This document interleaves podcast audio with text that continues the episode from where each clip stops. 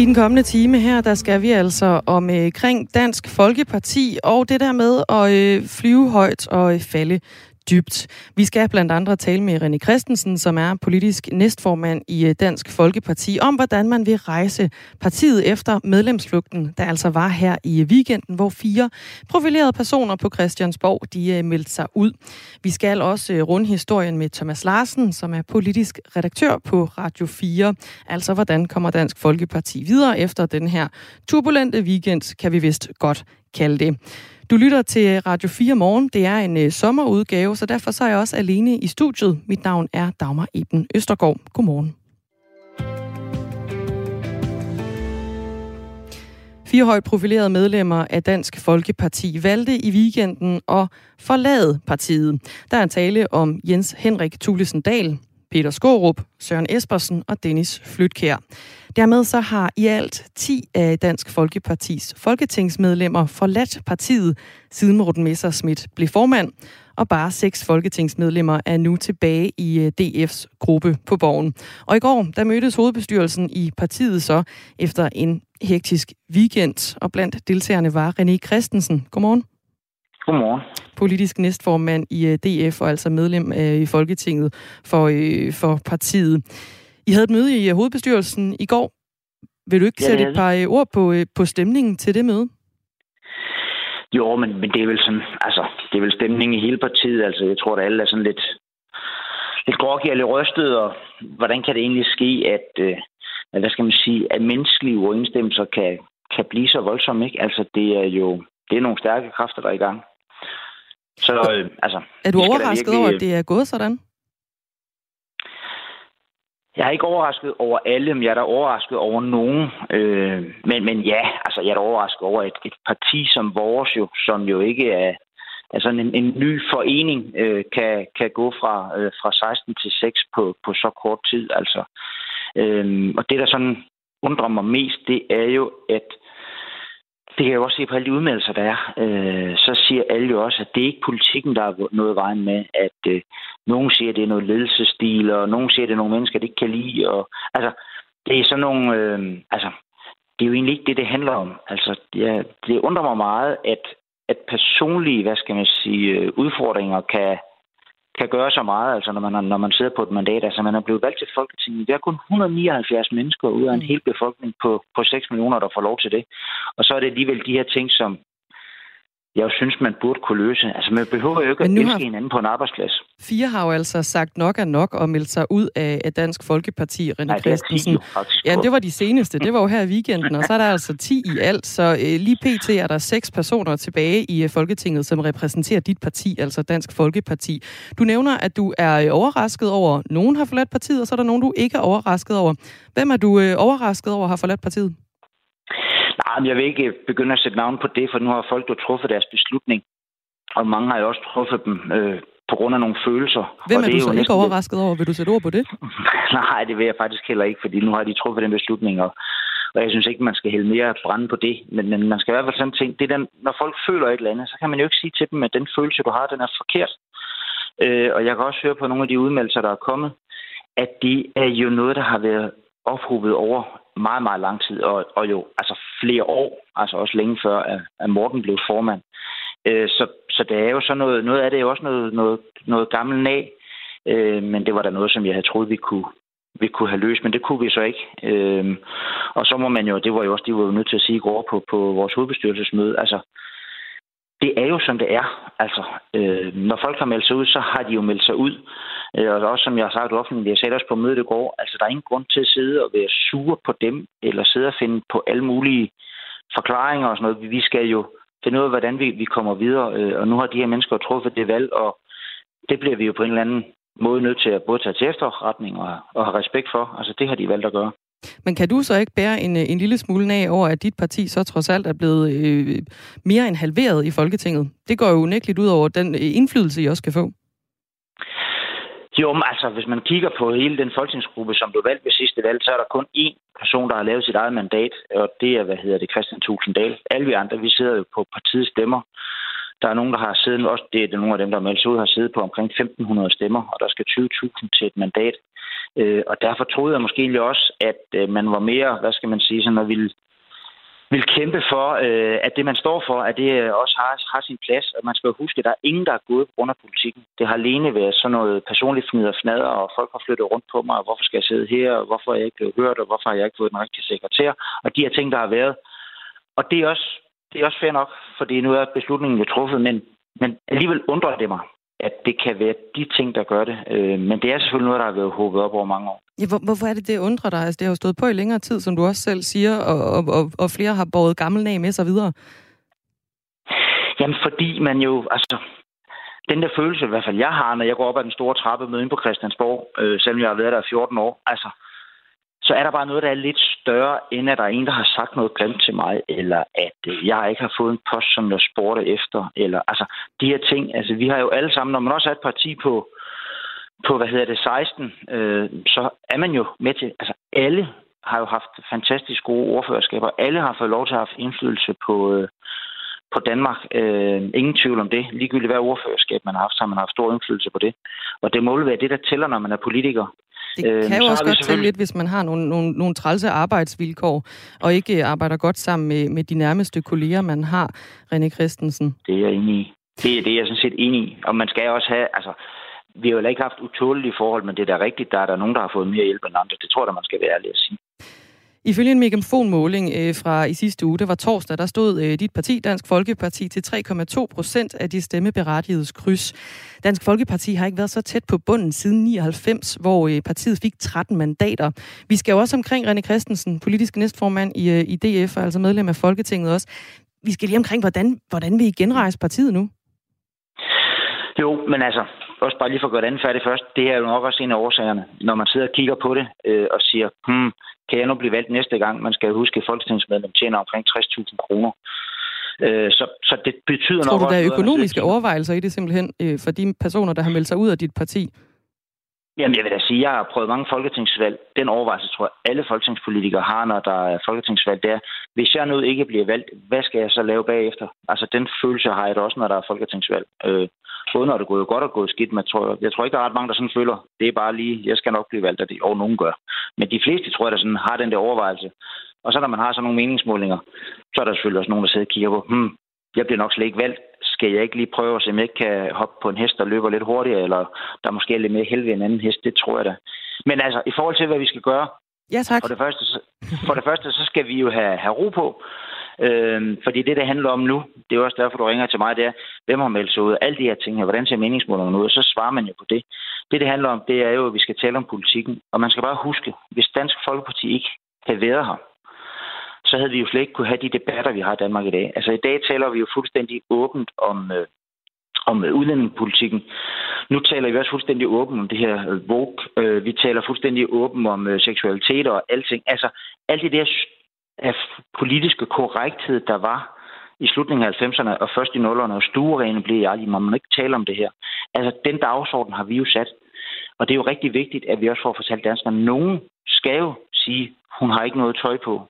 Og det turer vi, øh, og det tør vi også stadigvæk. Øh, og derfor er vi jo et utroligt vigtigt parti at have, have i Folketinget. Og det er det, vi skulle ud fortælle danskerne. Og jeg er jo ikke bange for, at vi, at vi forsvinder. Øh, vi bliver selvfølgelig et mindre parti i en periode. Og så husker jeg også hele tiden på, at i sidste periode, der var de konservative seks mandater. Og i dag, der taler man om, altså i den periode nu, hvor de er 12 mandater, der taler man om, at Søren Pape skal være statsministerkandidat. Så det går jo op og ned i politik. Men det er en svær tid, vi er i. I er seks tilbage. Det er det, der ja. er udgangspunktet for den her øh, svære tid, vi altså taler om i Dansk Folkeparti lige nu, René Christensen. Hvor mange, danske, hvor mange DF'er sidder der tilbage i, i øh, Folketinget efter sommeren? Det, øh, det ved jeg ikke, fordi at øh, nogle af dem, der har meldt sig ud, det har jeg simpelthen ikke set komme. Øh, og jeg kan også se på, på hvad hedder det, de argumentationer, der kommer for, for at melde sig ud, er, de er ikke meget forskellige, men nogle af dem, der er, det, der er det meget små ting, der har gjort det, så det er jo, det er jo svært for mig at vurdere. Jeg håber selvfølgelig, at alle er der, men, men det er svært for mig at vurdere. Så lød det fra øh, René Christensen, som er politisk næstformand i Dansk Folkeparti og medlem af Folketinget også for øh, førnævnte parti. Vi taler også med Radio 4's politiske redaktør om den her historie, altså Dansk Folkepartis øh, seneste udmeldinger her hen over weekenden, hvor fire yderligere har øh, trukket stikket på deres øh, medlemskab i, øh, i partiet. I alt så er 10 altså ude, siden Morten Messersmith han blev valgt som øh, formand. Vi får en analyse af øh, situationen i Dansk Folkeparti med politisk redaktør Thomas Larsen om ikke så længe. Overskud på Radio 4 med Sofie Østergaard hjælper dig med at få mest muligt ud af dine penge. Så er det her tidspunkt måske også lige præcis her, hvor vi så lige skal gå igennem vores forsikringer, vores lån. Kom i gang med at investere i aktier eller få gode råd til, hvordan du lægger dine lån om. Altså prøv lige at gøre det, og så prøv lige at se, hvor mange penge man rent faktisk skal spare. Find Overskud som podcast i vores app og lyt med tirsdag kl. 13. Radio 4 taler med Danmark.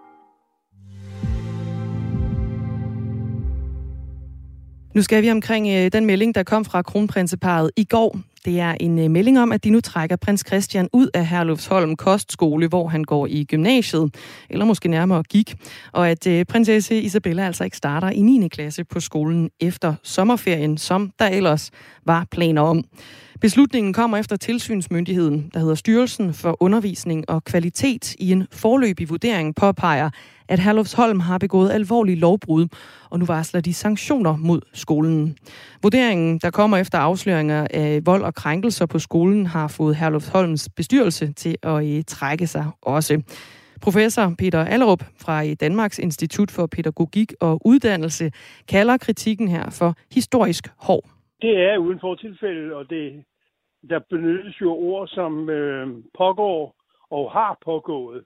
Det vil sige, øh, alvoren er koncentreret om nogle forhold, øh, nutidige forhold, men øh, i høj grad også om forhold, som har været gældende i lang tid.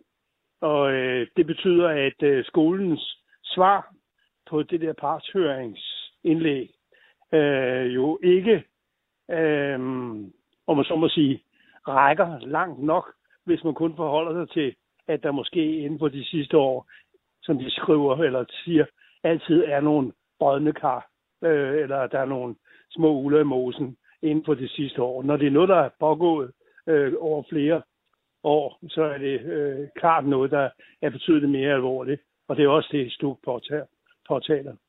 Og oven på den her øh, historisk hårde kritik, som øh, Peter Allerup altså øh, kalder øh, undersøgelsen fra øh, Styrelsen for Undervisning og øh, Kvalitet, så er Jakob Sten Olsen ikke overrasket over kongehusets melding her i weekenden.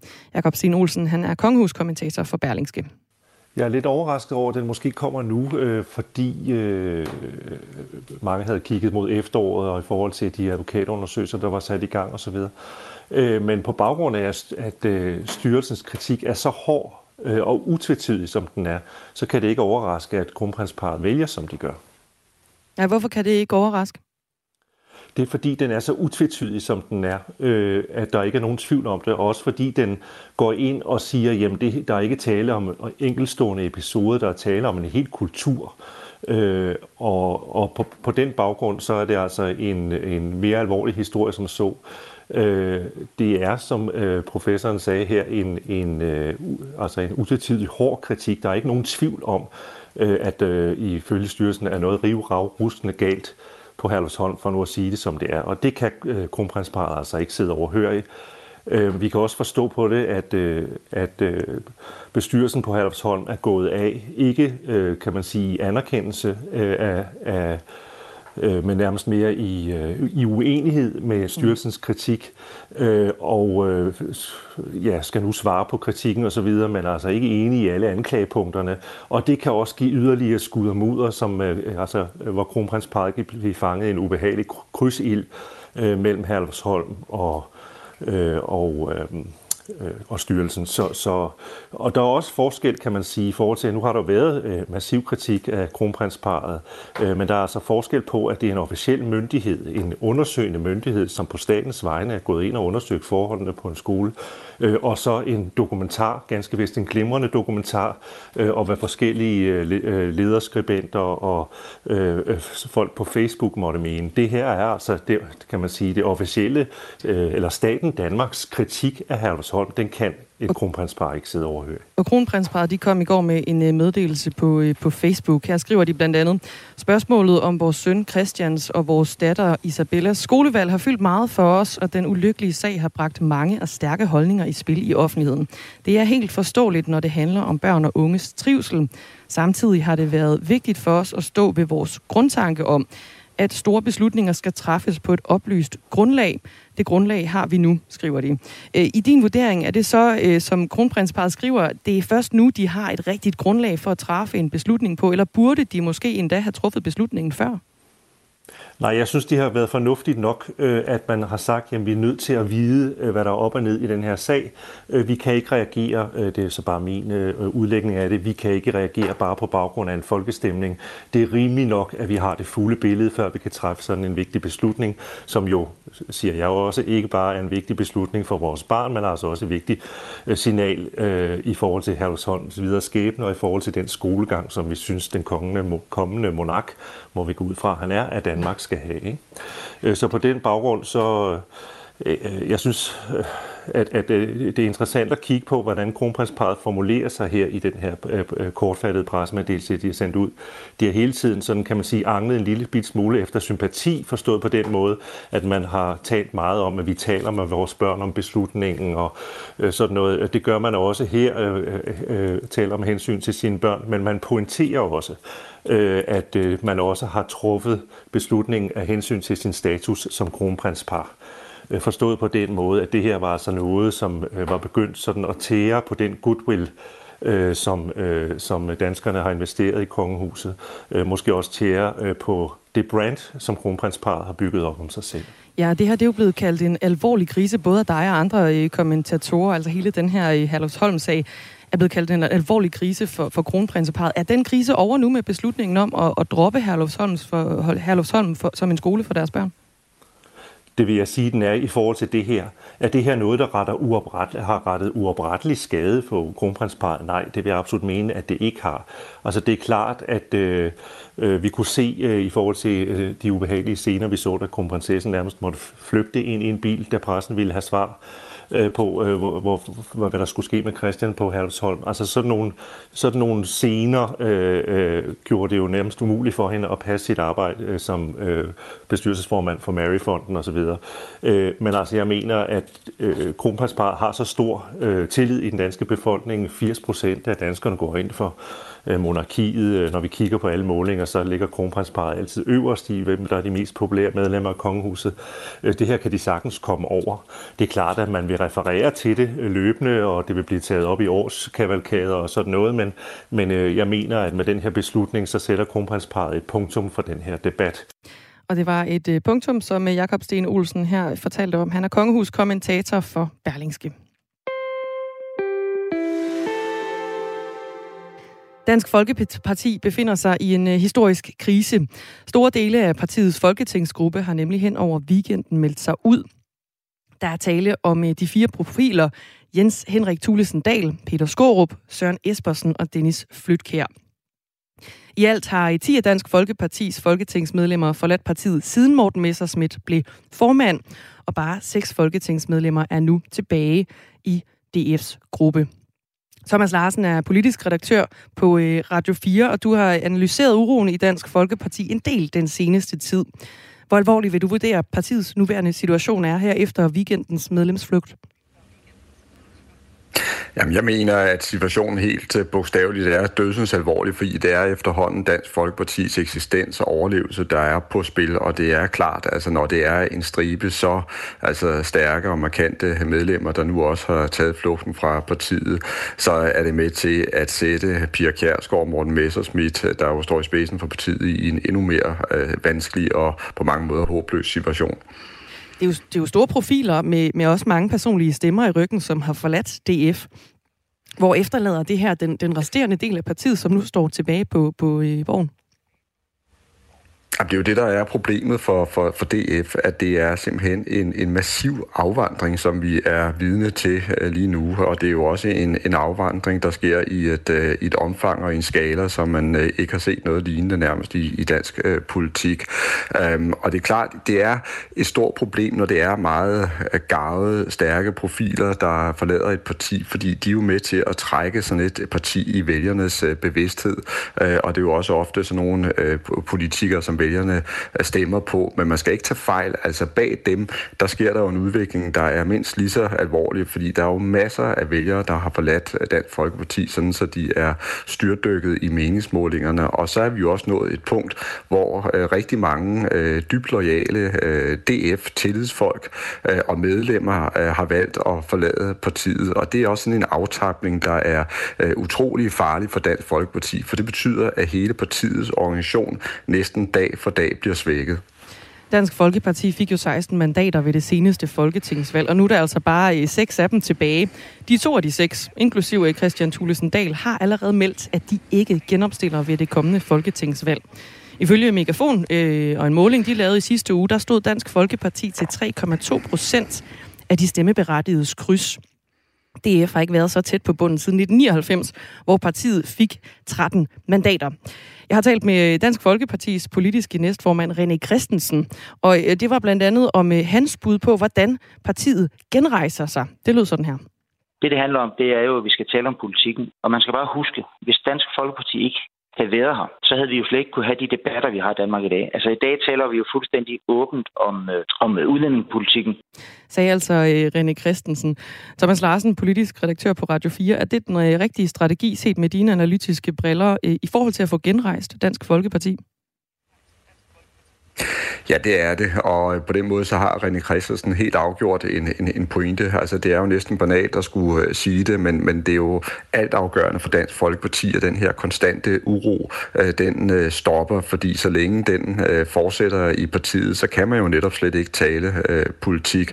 Og dernæst så skal de have sat prop i, i antallet, i forhold til antallet af de mennesker, der forlader partiet i øjeblikket, og igen, der vil forudsætningen være altså en større grad af ro og harmoni, fordi der er jo ingen, heller ikke medlemmerne, der vil være en del af et parti, der konstant er i indre strid, og hvor man øh, slås øh, mod hinanden, i stedet for at slås mod politiske modstandere. Så det er netop altså, en, en måde at komme videre på at få stoppet den her øh, uro. Det, der jo bare er problemet for Dansk Folkeparti, det er, at uroen har jo været en konstant igennem meget lang tid efterhånden, og det har vist sig stort set umuligt for partiet at få den stoppet.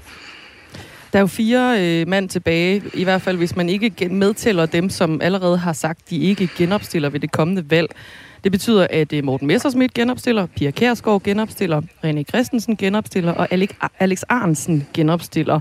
Øh, og så er der Mette Jamin Denker og Christian Thulesen Dahl, som altså ikke genopstiller for Dansk Folkeparti ved det kommende valg. Erik han skriver ind på sms'en, Peter Kofod og Anders Vistisen skal frem i rampelyset, og så skal det nok gå alt sammen. Er det nogle mennesker, der kan øh, øh gøre noget godt i, øh, i den her situation? Jeg tror, der er meget, meget stor forskel på, hvordan man internt ser på de to. Fordi sagt lige ud, så er der mange, der vil pege på, at Vistesen han er en af kilderne til al den uro, splid og ballade, og altså alle de intriger, de har internt i, øh, i DF, hvor man, man virkelig ser ham som en af dem, der i skyggen har været med til at, underminere og destabilisere hele partiet. Der tror jeg så, at øh, Kofod han har en langt højere øh, stjerne, og han kan måske blive øh, den, øh, den politiker, der skal tage over. Øh, og det er jo altså rent faktisk også scenarie, der kan blive til virkelighed, hvis Morten Messerschmidt han bliver øh, dømt igen ved en kommende øh, retssag. Så kan det være, at det er Kofod, der skal forsøge at tage over. Men man må så også sige, at det vil være en af de sværeste opgaver i dansk politik at skulle øh, tage over i Dansk Folkeparti øh, i en situation, altså i en tænkt situation, hvor Morten Messerschmidt øh, bliver tvunget til at gå. Så sagen er, altså under andre omstændigheder, så er det et, øh, en kæmpe udfordring, der ligger i at genrejse øh, Dansk Folkeparti, sådan som det ser ud nu. Ja, og her til sidst, Thomas Larsen, hvor, hvor, hvor stor er sandsynligheden for, at de ikke får de her fornødne 2%, der jo skal til af stemmerne ved det næste folketingsvalg, for at de rent faktisk øh, kan komme i Folketinget igen? Jamen, det er et godt øh, spørgsmål, fordi jeg har tidligere altså, afvist at skulle være med til at skrive DF's øh, nekrolog forstået på den måde, at jeg alligevel øh, hele tiden har troet, at der ville være så meget styrke i partiet, at, at man altså, ville kunne overleve det kommende folketingsvalg og også være repræsenteret i, i Folketinget efter næste valg. Men man må altså også konstatere, at, som vi har været inde på, at uroen har varet i så lang tid, og stemningen internt har været så giftig, som er rent faktisk ved at splitte partiet øh, ad. Og det er klart, som vi også var inde på, at hvis Morten Messersmith kommer ud i store problemer i, i den kommende øh, retssag, så er der altså dømt øh, krise igen i partiet, og så bliver det endnu vanskeligere at, at, at genrejse det. Altså de, de er på vej mod spærregrænsen, og de skal altså til virkelig at passe på, at de ikke kommer ned under den. Dansk Folkeparti skal til at løbe hurtigt. Thomas Larsen er politisk redaktør her på Radio 4. Nu skal du høre fra Signe Ribergaard Rasmussen. Hun er nemlig nyhedsvært.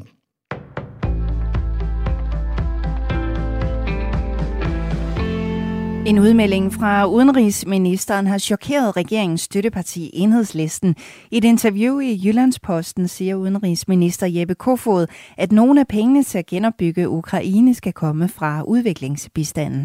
Det er noget chokeret over, fordi vi har brugt 2 milliarder her for nylig, da vi skulle tage imod de, øh, de øh, ukrainske flygtninge.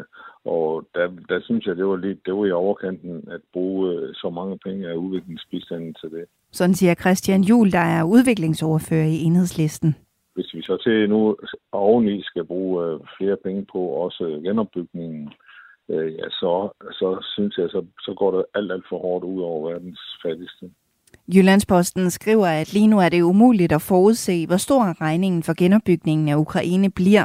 Danmark har sat sig i spidsen for genopbygningen af havnebyen Mykolaiv i den sydøstlige del af Ukraine. Der er dog endnu ikke lagt en plan for, hvor pengene skal komme fra. Dødstallet i Sydafrika er steget til 21 blandt de unge mennesker, som pludselig lå livløse på en bar. Det oplyser de sydafrikanske myndigheder. Årsagen til tragedien er ikke kendt endnu. Lige er ved at blive undersøgt for at finde ud af, om de unge eventuelt kan være blevet forgiftet på baren. Mange af de døde menes at have været i gang med at fejre, at deres eksamen var overstået, og nogen var ned til 13 og 14 år gamle, oplyser den sydafrikanske politimester. Hændelsen fandt sted i byen East London i den sydlige del af landet. Flere bliver behandlet for kokainforgiftning i Danmark, og en af årsagerne er formentlig, at det ulovlige stof er blevet renere, det skriver DR. Fra 2014 til 2020 er antallet af personer, som blev behandlet for en kokainforgiftning mere end fordoblet til 544. Det viser tal fra Sundhedsdatastyrelsen. Og sådan en forgiftning kan være rigtig farlig, det siger Allan Bak, der er cheflæge for ambulancer og akutlægebiler på præhospitalet i Region Midtjylland. En forgiftning kan blandt andet føre til hallucinationer, paranoia og psykose. I værste tilfælde kan en forgiftning også føre til hjertestop, siger Allan Bak til DR. Den hjemsendte chef for Forsvarets efterretningstjeneste, Lars Finsen, er blandt andet sigtet for at have ført samtaler med journalister, familiemedlemmer og en kollega om statshemmeligheder, det skriver Berlingske. Det mener mediet at vide efter at have researchet forløbet omkring Lars Finsen i en længere periode, hvor man har læst dokumenter om sagen og talt med mere end 40 personer, som på forskelligt niveau har indsigt i forløbet. I alt er Lars Finsen sigtet for ni forhold, hvoraf fire af dem handler om, at han skal have talt med forskellige journalister om netop statshemmeligheder. Fire andre forhold handler ifølge mediet om, at han har talt med sin mor, sin bror, sin kæreste og en tidligere kollega om den såkaldte FE-sag, eller lækagesagen. Det 9. forhold handler om en artikel i Berlingske, hvor Østrelandsret dog siden har vurderet, at der ikke var begrundet mistanke. Lækagesagen handler i korte træk om, at Lars Finsen sammen med tre andre blev anholdt i begyndelsen af december sidste år, og sigtet for at lægge højt klassificerede oplysninger. Siden så er alle blevet løsladt igen, men sigtelsen mod blandt andet den tidligere FE-chef er altså blevet opretholdt. I dag får de vestlige egne skyet vejr, og det bliver med regn og torden og temperatur mellem 15 og 20 grader. I de østlige dele lidt sol og efterhånden regn og tordenbyer, og temperatur mellem 25 og 29 grader, og så får vi svag til jævn vind. Det var nyhederne på Radio 4. Jeg hedder Signe Ribergaard Rasmussen.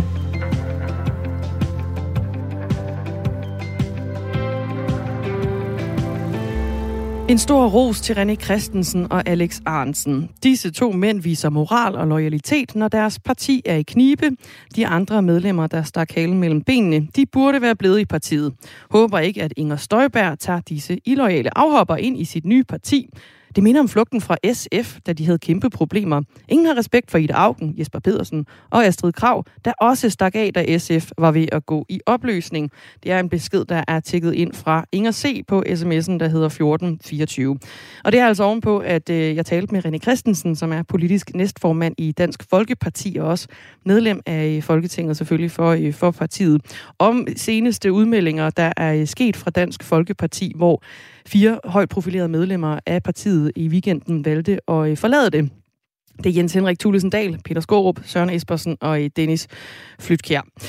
Du lytter til øh, Radio 4 morgen, og sms'er er som sædvanligt velkomne. De kommer altså ind på nummeret, der hedder 1424. Klokken er 25 minutter i 9. Godmorgen.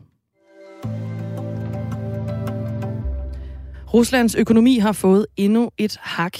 I går missede landet nemlig en rentebetaling på 100 millioner dollars, som det skylder udenlandske investorer.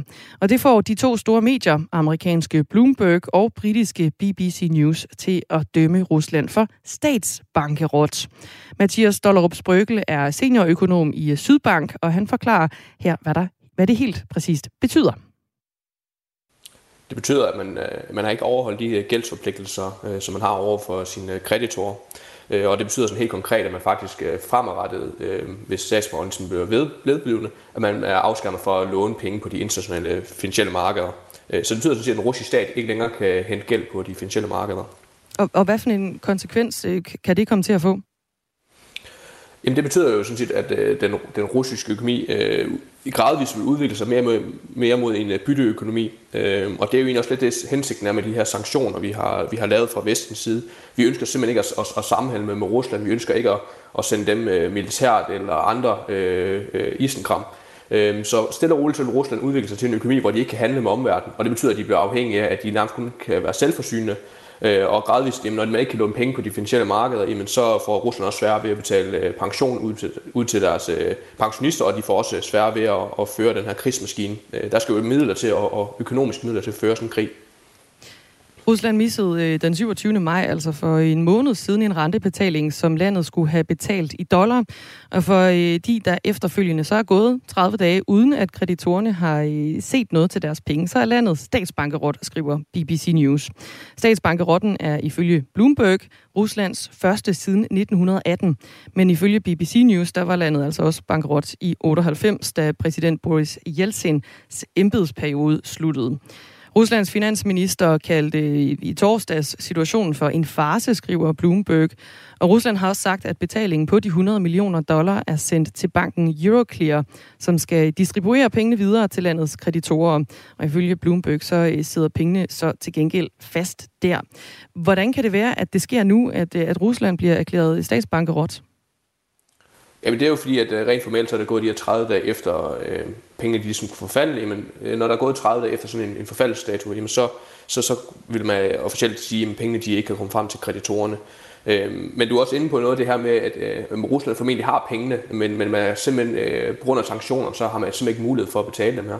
Og det er fordi, vi fra vestens side har sagt, at vi ønsker ikke at, at, at, at sammenhælde med, med Rusland. Vi ønsker ikke at have deres euros, eller deres dollars, eller deres rubler for den sags skyld.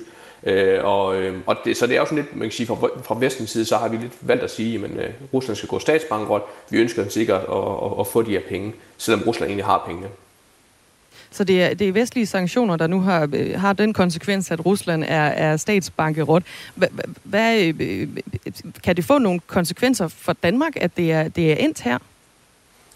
Nej, det, det bliver ikke nogen særlig store økonomiske konsekvenser for, for, for Europa og Danmark. Øh, vi har øh, den russiske gæld, øh, der er en del gæld, der, der har siddet på europæiske hænder, men, men gradvist øh, efter invasionen, så har vi altså skruet voldsomt ned på vores øh, beholdning af russiske statsobligationer, så, så vi har allerede taget det store slag, kan man sige, øh, så det er ikke noget, der får nogen stor betydning for, for, for hverken Danmark eller Europa, det her øh, rent økonomisk.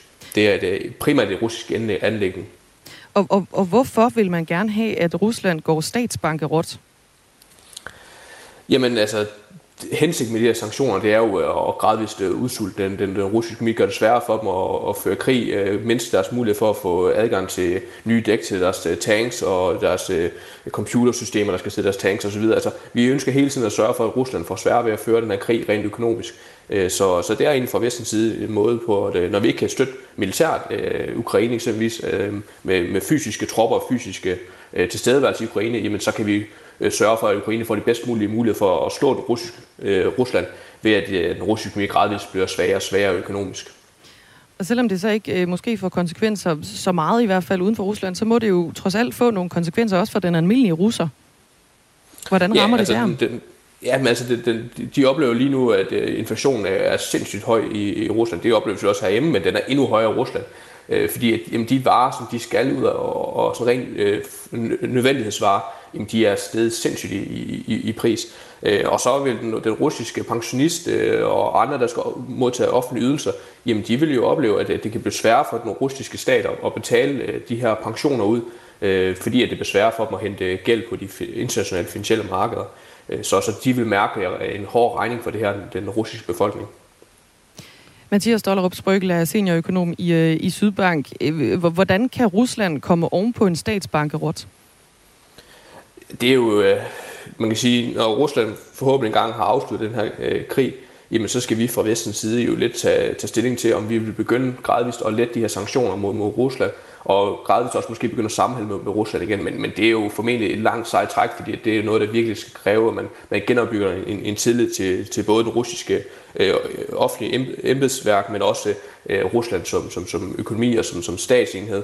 Øh, så det er et langt sejt træk at få Rusland tilbage på de finansielle markeder. Der, der er simpelthen sket et stort tillidsbrud øh, fra, fra, fra vestens side af.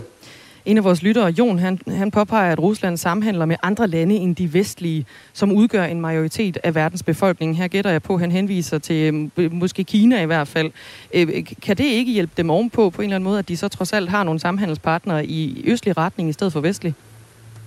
Jo, altså, altså det er jo vi er ikke noget, man har sådan noget med hård data på endnu, kan man sige, men, men der er rigtig meget anekdotiske beviser, og, og også øh, sådan, man kan sige, mavefornemmelser, der tilsiger, at Rusland, de har søgt mod, mod Vesten. Altså, Indien er nogen af dem, der er ved at sige, at de har været ret gode til at købe russisk olie, øh, og formentlig har man også gjort det i Kina. Øh, særligt fordi, at den russiske olie, den handles øh, til en rabat på omkring 40 til 45 dollars i forhold til den, den olie, vi køber her i, i Vesten. Så, så Indien og Kina ser jo givetvis en, en, en mulighed til at købe noget ekstremt billig olie lige nu, øh, i en periode, hvor olieprisen generelt er meget høj. Sagde altså Mathias Dollerup Sprøgel, som er seniorøkonom i Sydbank. Klokken er 18 minutter i 9. Danske børn og unge cykler markant mindre, end de gjorde for 15 år siden. Og udviklingen den er særlig slem på landet. Det viser en ny undersøgelse fra Danmarks Tekniske Universitet, DTU. Undersøgelsen konkluderer, at andelen af unge, som på en almindelig dag cykler i byer med op til 25.000 indbyggere, er faldet med cirka en tredjedel fra 2006 til 2019. Og det er kun hver fjerde, der cykler dagligt i byerne, og endnu færre på landet. Jeppe Rik er professor ved Danmarks Tekniske Universitet. Godmorgen. Godmorgen. Hvorfor er der færre børn og unge, der cykler? Øh, ja, det, det er der.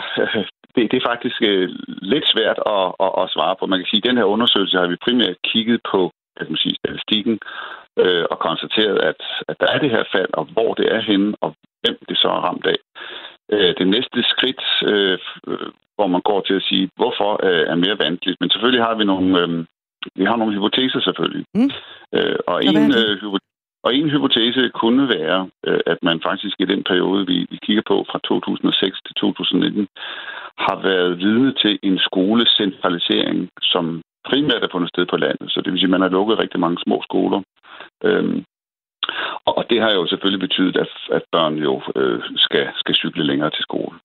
Så det, det er i hvert fald en, en mulig forklaring. Øhm, en, de to andre forklaringer, kan man sige, er lidt mere, øh, øh, hvad kan man sige, øh, hvad man sådan måske øh, vil tænke netop, at vi har fået mange biler øh, i den her periode, øh, som gør måske, at man så i stedet for at køre på cykel, øh, øh, kører i bil øh, som passager, øh, primært øh, i den her aldersgruppe. Øh, og den anden tredje ting er, at man øh, jo nok også må erkende, at cykelinfrastrukturen på landet øh, øh, mange steder i hvert fald hænger efter infrastrukturen i byerne. Øh, mange steder har man jo ikke cykelstier for eksempel, og, og mange steder er der er det utrygt at, at færdes øh, på landet. Øh, måske mangler der belysning osv. Så, så det kan være en, en, en tredje faktor øhm, øh, i det her spil. Men det er altså næste skridt at finde en, en årsag til, hvorfor færre børn og, og unge rent faktisk øh, cykler. Der er jo en aftale om øh, ny infrastruktur, som et flertal i Folketinget indgik sidste år. Den giver 52 milliarder kroner til nye veje og 3 milliarder kroner til cykelstier. Sidste år der viste en øh, undersøgelse udført for Transportministeriet, at samfundet sparer cirka 8 kroner hver gang en dansker cykler en kilometer. Og det skyldes altså primært, at cykling fremmer sundheden. Så der er også penge at hente i, at man øh, springer på cyklen, i hvert fald for samfundsøkonomien. Undersøgelsens øh, resultater her kommer lige inden Danmarks værtskab for starten af Tour de France, og der er også et øget fokus på, på cyklisme, blandt andet med et cykeltopmøde i København på torsdag. I den her øh, periode, hvor børn og unge har droppet cyklen uden for øh, de store byer, der er biltrafikken steget med over 20 procent. Øh, det er også noget, du nævner her som en af de tre hypoteser. Altså simpelthen, at folk også har fået flere biler. Man kan i hvert fald sige, mm. at biltrafikken den er, den er steget med, med 20 procent i perioden. Men mm. hvad, hvad for nogle konsekvenser kan det få, at, at børn og unge de cykler mindre?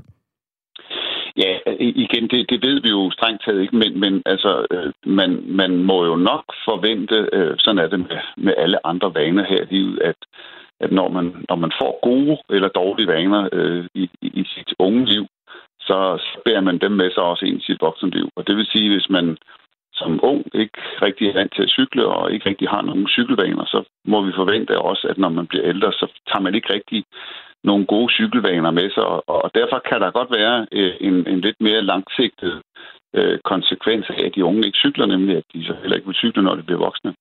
Og, og der er du fuldstændig ret i, at øh, hvis det er tilfældet, så, så, så kan det rent faktisk have nogle, nogle relativt store sundhedsmæssige konsekvenser for øh, befolkningen sådan mere generelt, fordi der er meget god øh, samfundsøkonomi bundet op i det, at vi cykler, som du selv refererer til, så er der er jo sådan set en, en sundhedsgevinst, der svarer næsten til, til 7-8 kroner per, per kørt cykelkilometer. Så det er store penge, vi snakker om, når man gør, gør, det, gør det op i, i det store billede.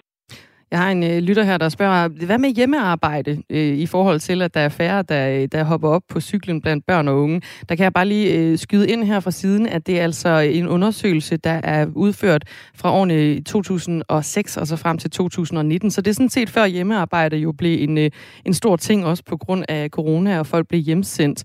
Øh, Jeppe Rik, professor ved Danmarks Tekniske Universitet. Hvad, hvad er for nogle løsninger ser du, der er på det her øh, øh problem, kan vi vel godt kalde det, fordi det jo også har nogle sundhedsmæssige konsekvenser konsekvenser? Det, det, det vil jeg også sige, det er. Øh, altså, det, det, der, ja, hvad kan man gøre? Altså, det, det første er selvfølgelig, at man konstaterer, at der er et problem. Det næste er selvfølgelig, at man begynder at tænke over, hvad man så kan gøre ved det.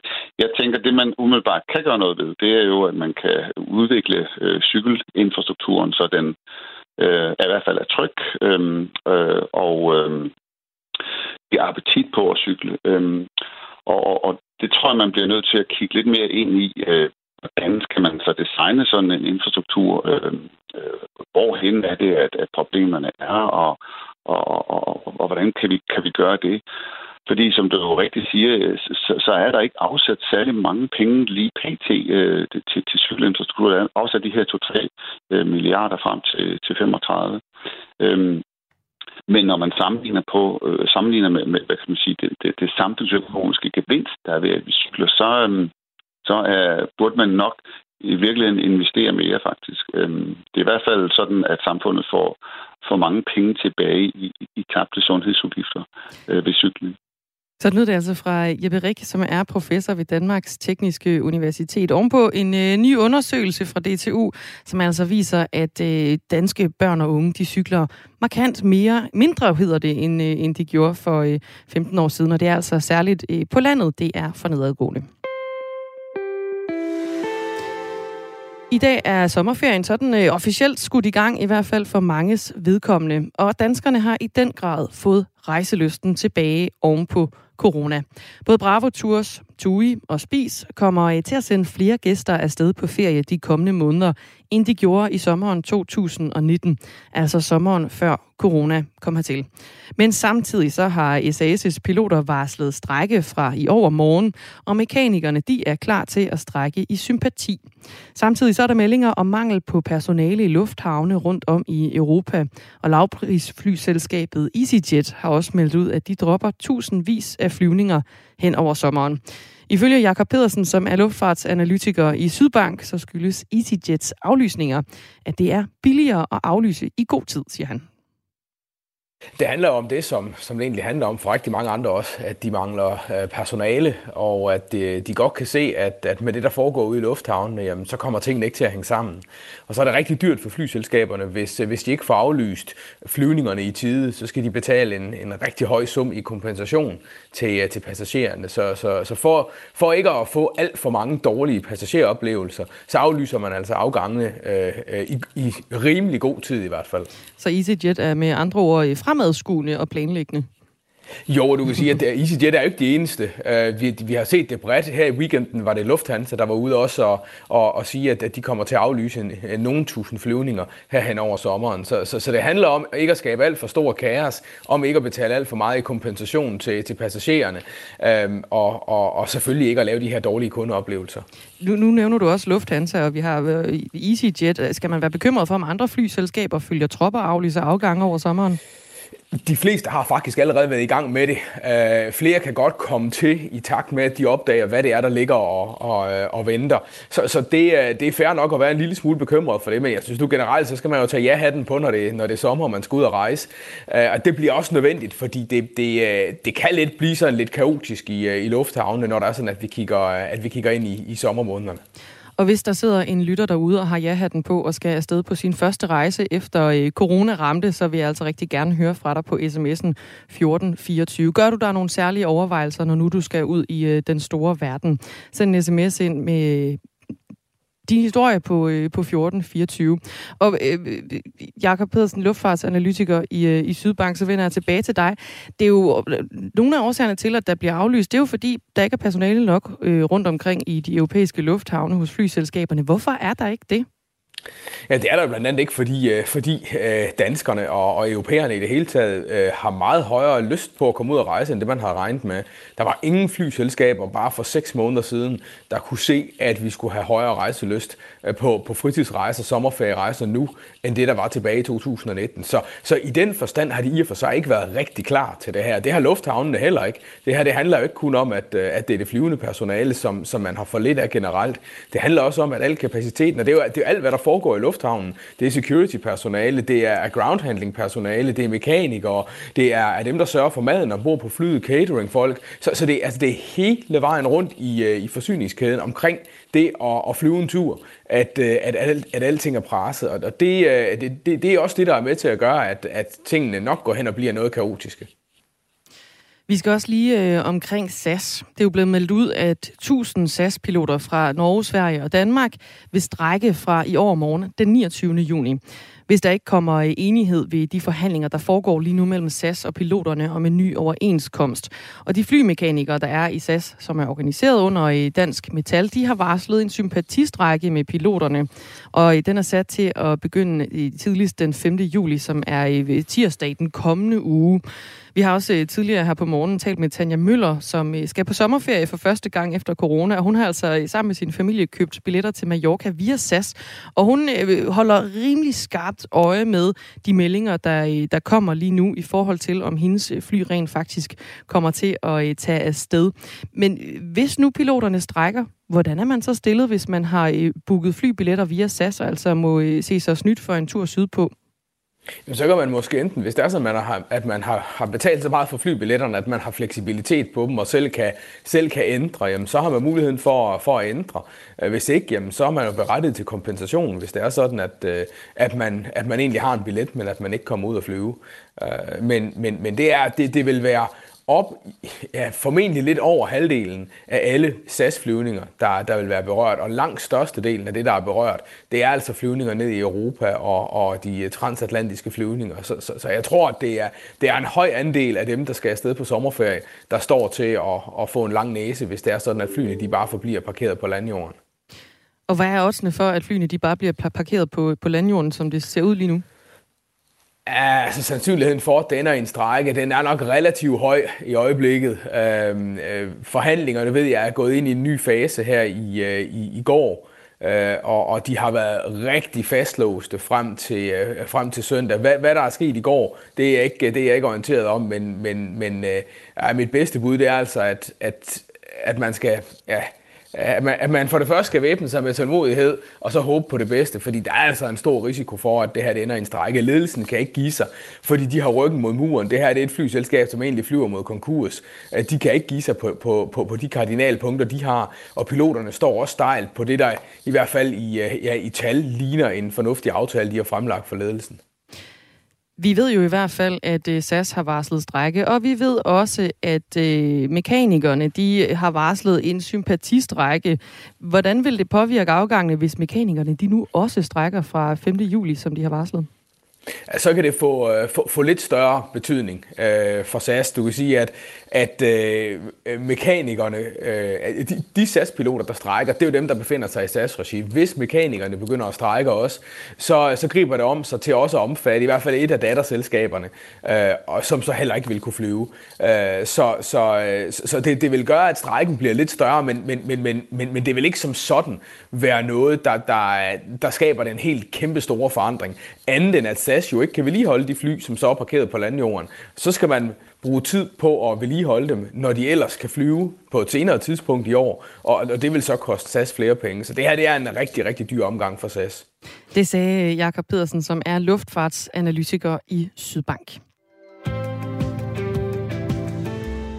Og nu er det blevet tid til en fødselsdagsquiz, vanen tro.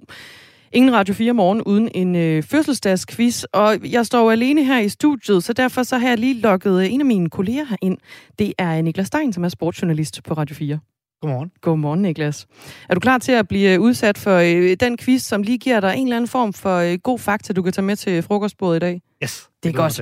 Det er jo sådan, at jeg har taget en række begivenheder med ind i øh, studiet her, og en række personligheder, som øh, har fødselsdag, eller noget, som er sket på den her dag. Og så er det dit job at øh, rangere dem efter alder. Det er fra ældst til yngst. Er du, er du klar? Jeg er klar. Det er godt. Vi øh, starter med, øh, at for første gang, der er der et øh, menneske, der redder sit liv ved at bruge en faldskærm. Mm-hmm. Det er en af tingene, der er sket på denne dag. Helge Sander, dansk politiker og minister, har i fødselsdag. Mm-hmm. Mette Frederiksen præsenterer sit nye ministerhold for dronningen og bliver officielt Danmarks 42. 20. statsminister. Mm-hmm. Og så har vi den her.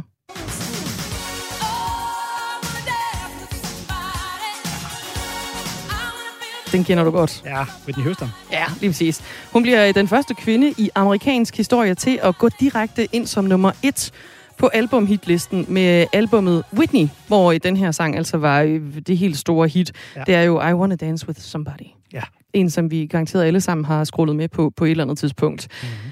Og den sidste ting på øh, listen her, det er Danmarks første jernbanestrækning, der bliver taget i brug for, øh, vi kan kalde det almindelige dødelige efter mm. indvielsen dagen før, hvor det var sådan øh, pengerne, altså politikerne og i kongelige og sådan noget, som fik lov til at, øh, at tage turen på Danmarks første jernbanestrækning. Åh. Oh. Ja. Ja, den sidste, den synes jeg lige... Den mudder billedet. Danmarks første jernbanestrækning, den mudder billedet. Ja, for ellers ja. havde jeg sagt... Okay, jeg havde sagt, faldskærm er klart den ældste. Ja. Jeg, nu bliver jeg i tvivl om det der med jernbanestrækning. Men nu siger jeg jernbanestrækning. Det er ældste. godt, du gjorde det. Ja. Det er helt rigtigt. Fedt. Det er 175 år siden øh, Danmarks første jernbanestrækning bliver, bliver taget i brug. Det er øh, en tur mellem øh, København og Roskilde. Den har tre daglige afgange i hver retning. Og så standser toget ellers undervejs i Valby, Glostrup og ved Køvevejen i Tostrup og Hedehusene. Yes. Den næste, der er i tvivl om, om faldskærm eller Helge Sander. Øhm, bom, bom, bom, bom, bom, men jeg tror, det er faldskærm. Ja, det er korrekt. første gang et øh, menneske redder sit liv ved at bruge en faldskærm. Det er 104 år siden, og jeg kan godt afsløre, at så gammel er Helge Sander ikke endnu. Nej, men jeg siger i hvert fald ham som den næste. Han må være mellem 70, 80, 90 år. Det er ganske korrekt. 72 år. Helge Sander, dansk politiker og minister. Han var jo minister for videnskab, teknologi og udvikling. Det var han fra 2001 og så frem til 2010. Yes. Ja, Og jeg det går t- godt, det her, Niklas. Ja, det går rigtig godt. Ja. Og, øh, og jeg, jeg er sikker på, at Whitney Houston er den næste, for det var tilbage i 84. Nej, det ved jeg ikke, om det var. Det var i 87, men altså i hvert fald i 80'erne, at den her øh, sang, den strøg lige ind på nummer 1. Det var albumhitlisten. Den her sang var på albumet Whitney, som altså kom ind på øh, nummer 1. Og så har vi øh, en øh, ting tilbage. Ja, helt lige så længe har Mette Frederiksen ikke været statsminister, ved jeg. Så det var nemt. Den var nem. Det ja. er nemlig øh, tre år siden, Mette Frederiksen, vores statsminister, hun præsenterer sit nye ministerhold for øh, dronningen, og officielt bliver Danmarks 42. 20. statsminister. Godt klaret, Niklas Stein. Tak. Sportsjournalist på Radio 4 her med fem rigtige ud af fem. Det var debut. Det var debut. Det var en strålende sport, debut. jo. Du flyver bare lige ud i dagen fra nu, altså. Yes. Strålende. Tak fordi jeg måtte øh, hive dig ind til en øh, fødselsdagsquiz her i øh, Radio 4 morgen. Tak, fordi jeg måtte få noget Whitney Houston. Og også tak til dig, som har øh, lyttet med her til morgen. Det er altså Radio 4 morgen. I dag med Dagmar Eben Østergaard og Signe Ribergaard Rasmussen har øh, nyhederne. Jeg er tilbage igen i morgen klokken 6.34. Vi sender nemlig efter en sommersendeplan. Men nu er klokken 9, og Signe Ribergaard Rasmussen har nyheder.